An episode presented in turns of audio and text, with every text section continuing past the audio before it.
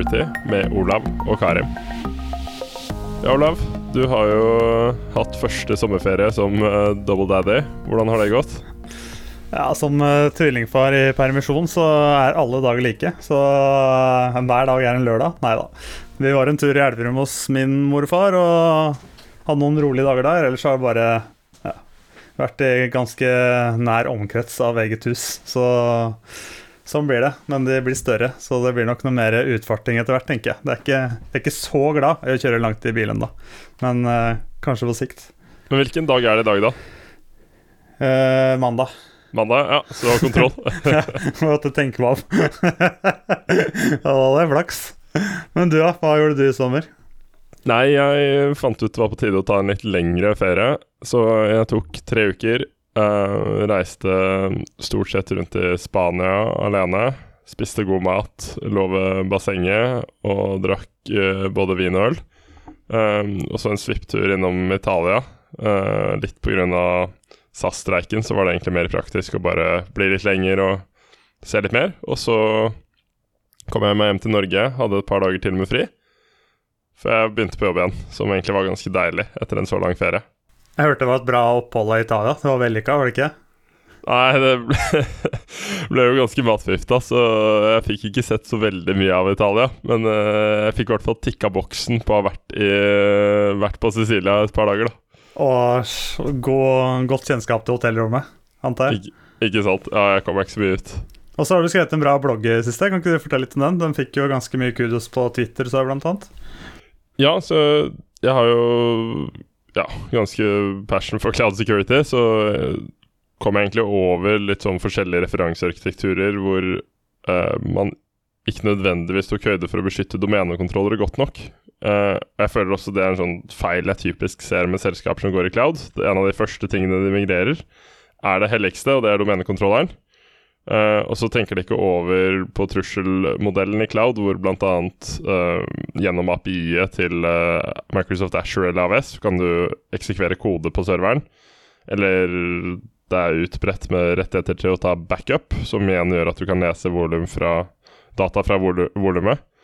Uh, som igjen gjør at du kan uh, eksportere alle passord, og eventuelt prøve å cracke de. Så jeg skrev en liten bloggpost på det. Hvordan beskytte domenekontrollere i skyen. Uh, på min private, litt hemmelige blogg. Uh, blogg.karims.cloud. Den blir veldig lite markedsført, i hvert fall. Uh, og så kom jeg på Cloud Security List. Og for de som ikke vet hva Cloud Security List er Hvis du jobber med cloud, så må du subscribe på Cloud Security List.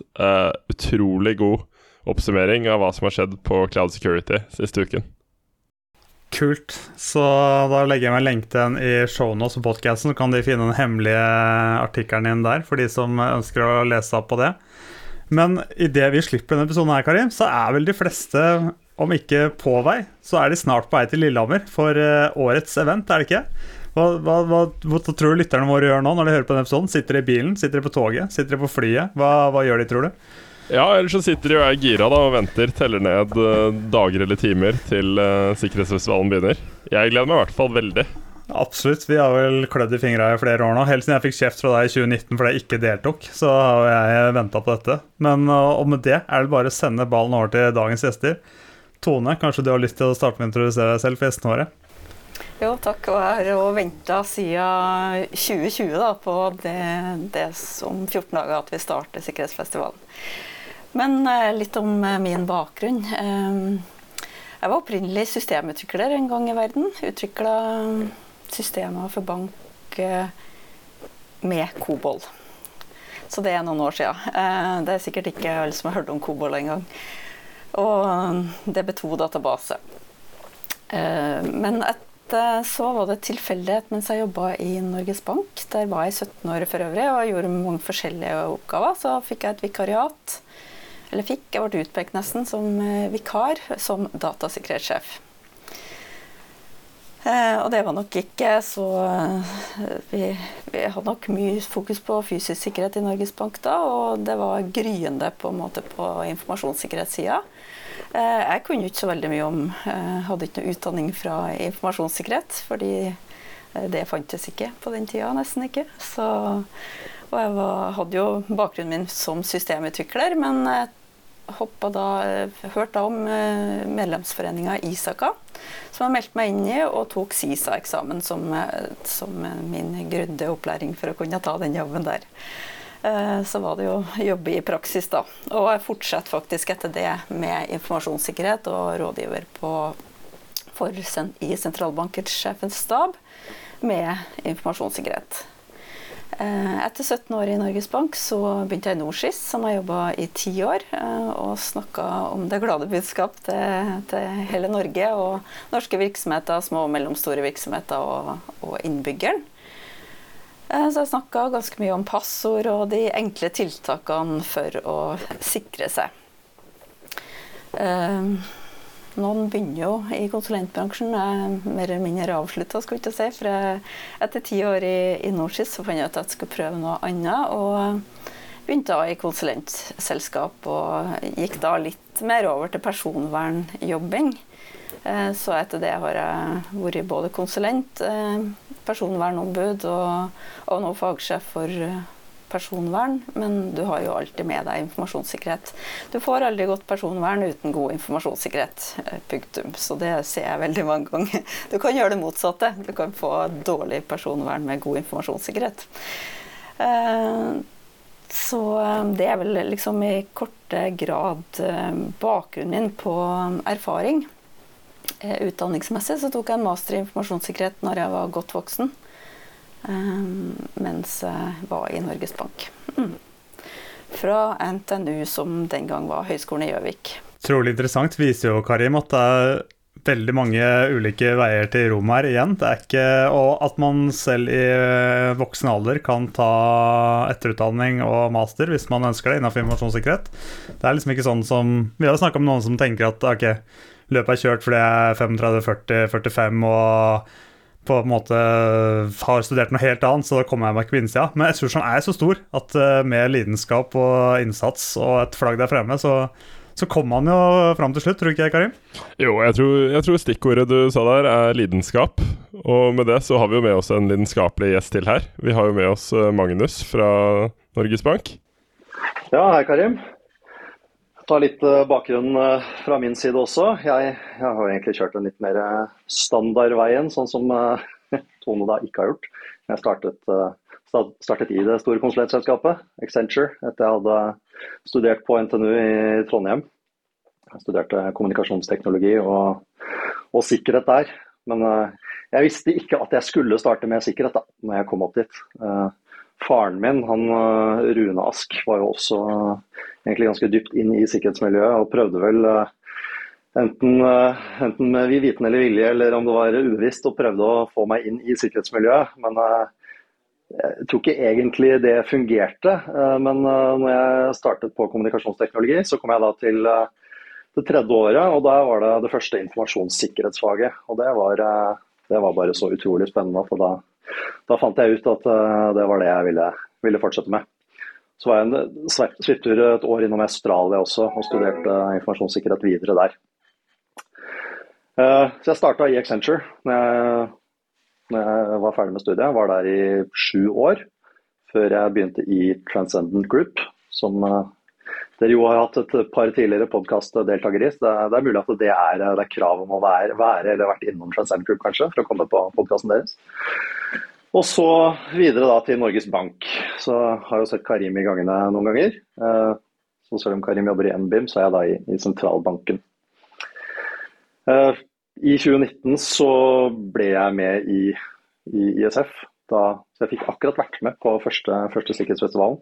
Da, da, var jeg sjef for programmet der. Det var, det var vel 150 foredrag på, på den, tror jeg, som jeg hadde mye, mye å holde styr med. Uh, mange, det var litt av en one note-liste med folk som skulle ringes og ha kontroll på hvem som, hvem som, skulle snakke og hva de skulle si. Uh, og så ble jeg styreleder i ISF for, uh, for ja, var det to-tre to, år siden ca. og er det fremdeles. Så oppsummert ganske lidenskapelig opptatt av cybersecurity, egentlig. I hvert fall de siste årene etter at du først hadde sklidd inn, for å kalle det. Absolutt. Vært, uh, nå har jeg vært i bransjen i, eller jobbet i litt over ti år. Uh, og definitivt lidenskapelig opptatt av det også da fra, fra midten av studiet. Så gode 13 år i hvert fall.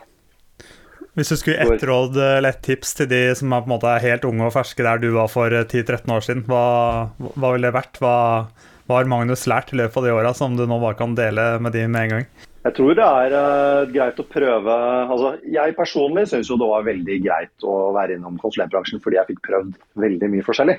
Jeg fikk prøvd uh, både, både, litt koding og sitte og grave bak i databaser. Jeg har fått prøvd litt penetrasjonstesting, jeg har fått prøvd uh, risikoanalyser. Nå jobber jeg som en sikkerhetsarkitekt. Så jeg har fått prøvd mye, mye, forskjellig. Du trenger jo selvfølgelig ikke å gjøre det i et konsulentselskap. Det kan du gjøre i hvilket som helst selskap. Eh, men det å prøve å finne eh, det å ha litt bredde, prøve, prøve, forskjellige ting til å finne det du faktisk eh, elsker å holde på med, det tror jeg en, tror jeg er en veldig god idé. Og det er jo, altså sikker, Sikkerhet er jo alt nå for tiden. så det er jo du, du, kan jo gjøre nesten hva som helst, enten det er kod, sikker koding eller penetrasjonstesting eller, eller risikoanalyser, for den saks skyld. Ja, eller det menneskelige med opplæring eller planlegging. Så det jo, må jo ikke være en teknisk gud for å lykkes i dette spacet. Nei, jeg er heller ikke Jeg jobber ikke veldig, veldig teknisk heller. Jeg har jo en teknisk bakgrunn, men, eh, men liker meg som eh, litt uh, sikkerhetspotet. Alt mulig mann. Gjør, gjør, litt av hvert. Kult. Men sikkerhetsfestivalen, Tone, hvor, hvordan startet det? Var det Hvem fikk denne glupe ideen om å samle hele cybersecurity community i Lillehammer? Du, det var nok Altså, jeg har vært i ISF-styret siden 2015. og på den tid så var eh, Lillian Røstad styreleder, og eh, vi tenkte jo Det nærma seg jo 25-årsjubileet til ISF. Det var i 2019. Og vi satt og tenkte et par år på hva kan vi gjøre for noe som er litt mer spesielt enn en vanlig høstkonferanse. Vi har jo hatt høstkonferanse i 24 år fra fram til da, og tenkt hva kan vi gjøre. Og da var det nok sikkert noen av oss som har vært på festival, eller noe sånt, så vi syns jo festival var et fint konsept, da. Men eh, musikkfestival har vi litt sånn eh, tro på at vi vet hva er, men hva er en sikkerhetsfestival? Så vi drodla mye på det. Høyt og lavt, skulle jeg si, på hva er det. Og det utforma seg etter hvert at det her, vi ønsker å gjøre noe stort, vi ønsker å gjøre noe ja, måtte, eh, ja, det måtte være telt. Det måtte være, ikke sant? Hva skal det være? Musikk, kanskje? Eller skal det ikke være musikk? Så vi, vi diskuterte mye, og så tenkte vi at for å få det til stort, så må vi ha med oss flere. Og vi fikk med elleve partnere, ikke-kommersielle partnere, til, til samarbeid. Eh, og var da i gang og fikk til en sikkerhetsfestival. Både et stort program, Eh, vi må ta lokaler som klarte å ta veldig mange deltakere. Eh, høstkonferansen på hadde jo flytta litt rundt omkring. Vi har vært på Strømstad, Larvik, Tønsberg, Sundvolden. Og ingen av dem kunne ta så mange som, som vi hadde et hårete mål om å få plass til. Eh, og så måtte det heller ikke være for langt unna Oslo. Og vi hadde heller ikke lyst til å ha det i Oslo, for da går jo folk hjem. Eh, så vi ønsker jo at folk skal være til stede og være på en måte bortreist på et hotell og være dedikert. Så da ble det Lillehammer. Jeg vet ikke om jeg i parentes skal nevne at jeg bor i Lillehammer. Eh, jeg vet ikke om det har noe å si, men kan være. Eh, men uansett, Lillehammer har bra med hotellkapasitet. Eh, når det skal nevnes, så begynner det å bli fullt nå. Så vi har klart å fylle opp Lillehammer bys hotellkapasitet. Vi ønsker å ha da i 2019 eh, ikke bare en konferanse på et hotell, da blir det jo en konferanse. Så vi kjørte litt høy risiko, og så spredde vi konferansen ut på Jeg husker ikke hvor mange lokasjoner vi hadde i 2019, men i år har vi 13 ulike spor eh, på forskjellige lokasjoner i Lillehammer sentrum. Det er på tirsdag. Eh, Magnus kan fortelle litt mer om mandag etterpå, når vi starter konferansen. Eh, så vi er da på 13 ulike lokasjoner, men ingen av de lokasjonene er lenger unna enn ca. fem minutter å gå fra Lillehammer sentrum. Midt i sentrum, på Stortorget, så er det et eh, stort telt. Det begynner vi ta en digresjon på det, og vi begynner å rigge opp det på torsdag eh, uka før. Og da kommer det tre eller fire trailere for å sette opp det teltet. Og der får vi da hus for én seks, nei, én hovedsponsor, seks sponsorer og 21 utstillere i det teltet.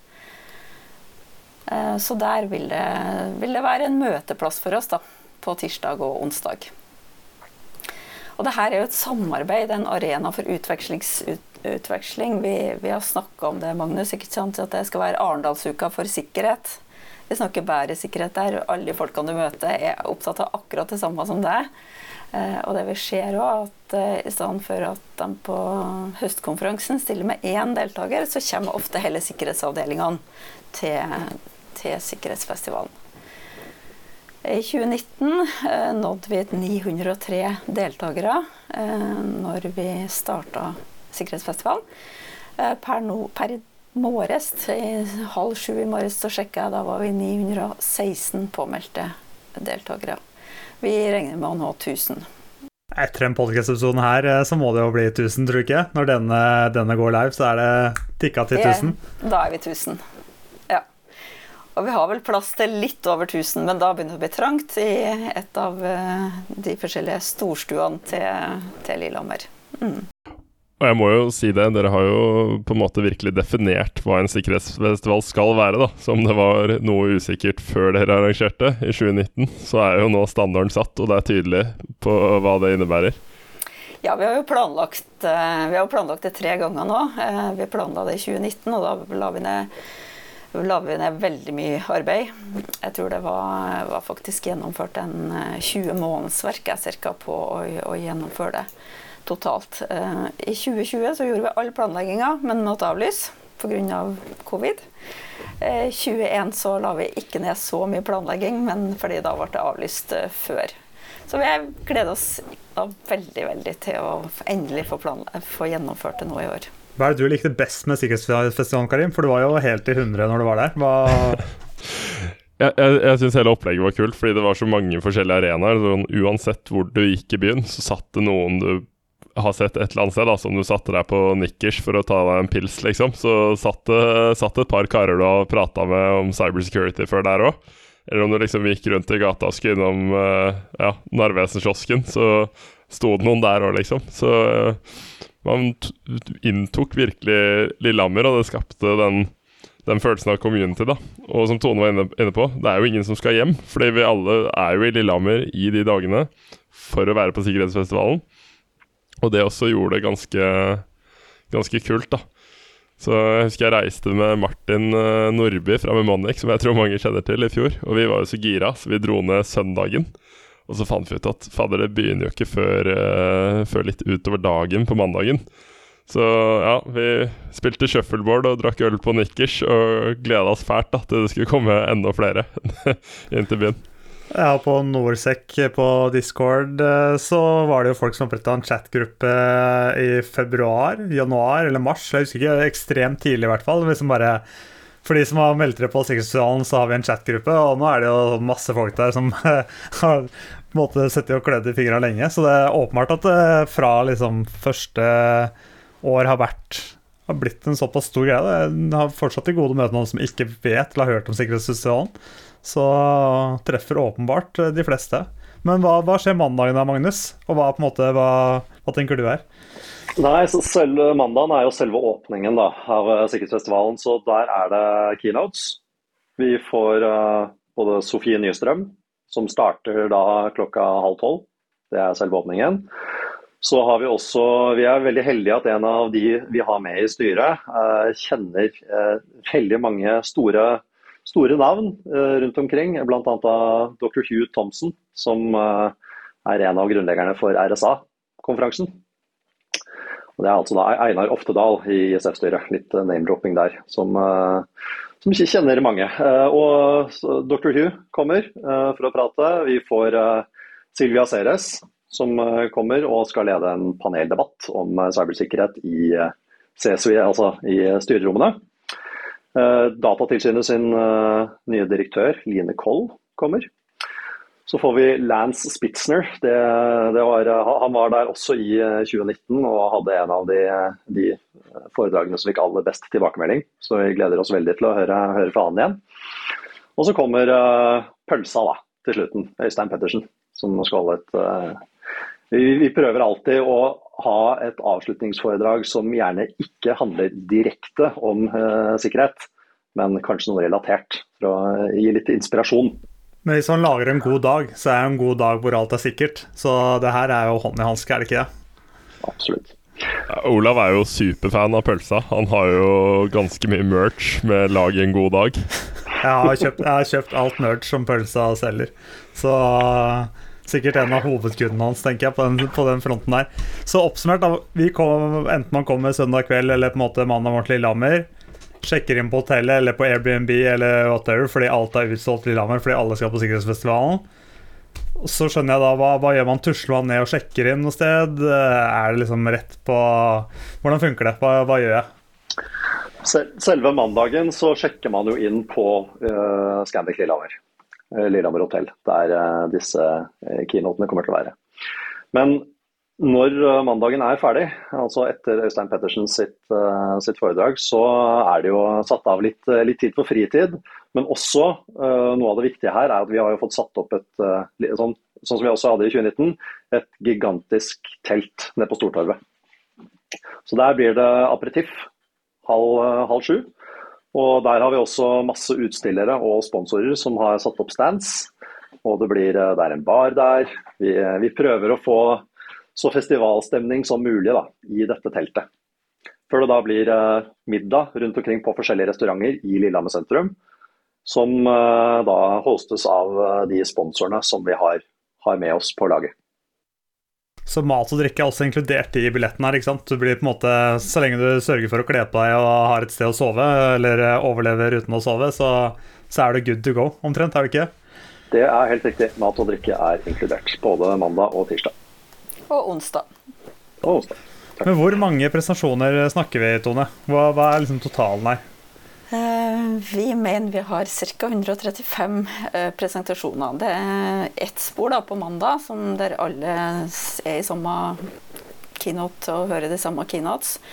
Eh, på tirsdag er det 13 ulike spor i Lillehammer sentrum, og på onsdag er det fram til lunsj er det òg var det ti forskjellige spor i Lillehammer sentrum. Så det er på forskjellige lokaler, men de er i sentrum. Og da snakk på disse ti ulike sporene, så har det da presentasjoner på samme tidspunkt, ikke sant? Så du kan på en måte velge å plukke litt og må se litt på agendaen og finne hva som er mest interessant for deg? Er det sånn jeg forstår det, eller? Ja, det kan du. Og jeg husker én negativ tilbakemelding vi fikk fra 2019, og det var at det var litt for mange spor, sånn at det var litt vanskelig å velge.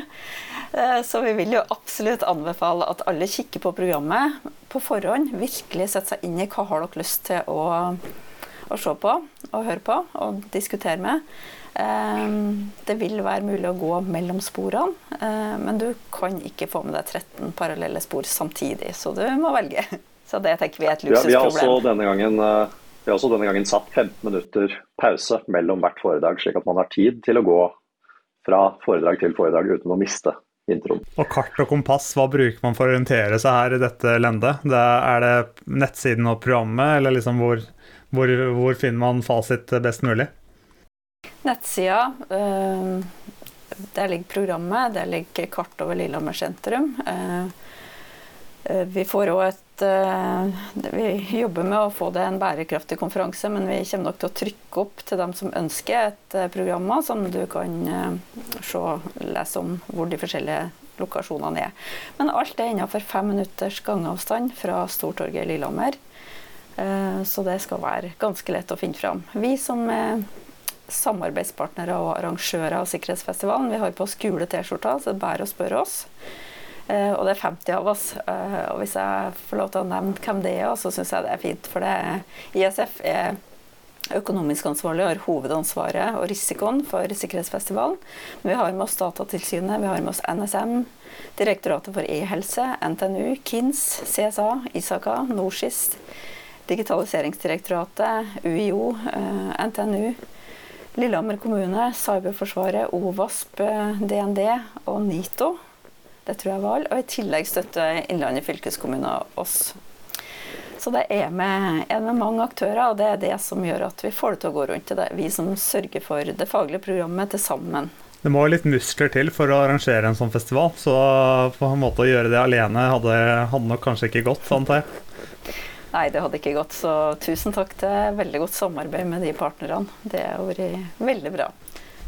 Og på kveldstid, er det da stikker man bort på dette teltet som du snakket om, Magnus? Eller liksom stikker folk på nikkers, som Karim nevnte? Eller hva, hva, hva Hvilke triks i ludo bare jeg liksom noterer meg bak øret til, til kveldene?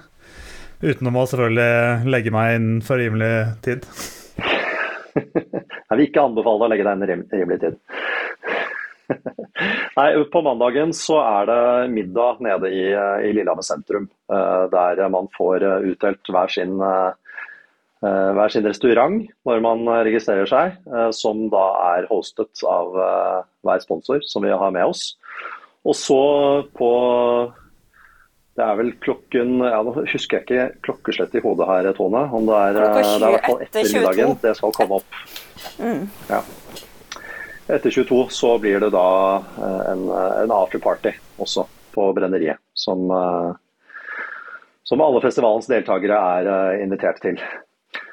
Så det er mandagen. Mens tirsdagen, der kommer det til å bli en, en middag oppe på Eh, oppe på Scandic Lillehammer hotell. Og fest videre der utover kvelden. Det er jo et utrolig bra opplegg. Jeg har gode minner fra brenneriet uh, i 2019 også, så jeg tror det kan bli en bra kveld. Det ble, det ble sent, men uh, det var verdt det. Er det noen andre tips og triks dere kom på, eller liksom, har vi klart å oppsummere Sixfam på en god måte nå, sånn at de som lytter på denne episoden, på en måte kommer påkledd til Lillehammer og har fått med seg det meste, og ellers så huk tak i noen med gul T-skjorte for å finne ut det det mangler. Er det sånn? Jeg tror det er så gå gjennom programmet på forhånd. Det er nok eh, lurt, for det mange valg å gjøre. Eh, og så er det å bruke pausene eh, til å treffe gode kolleger.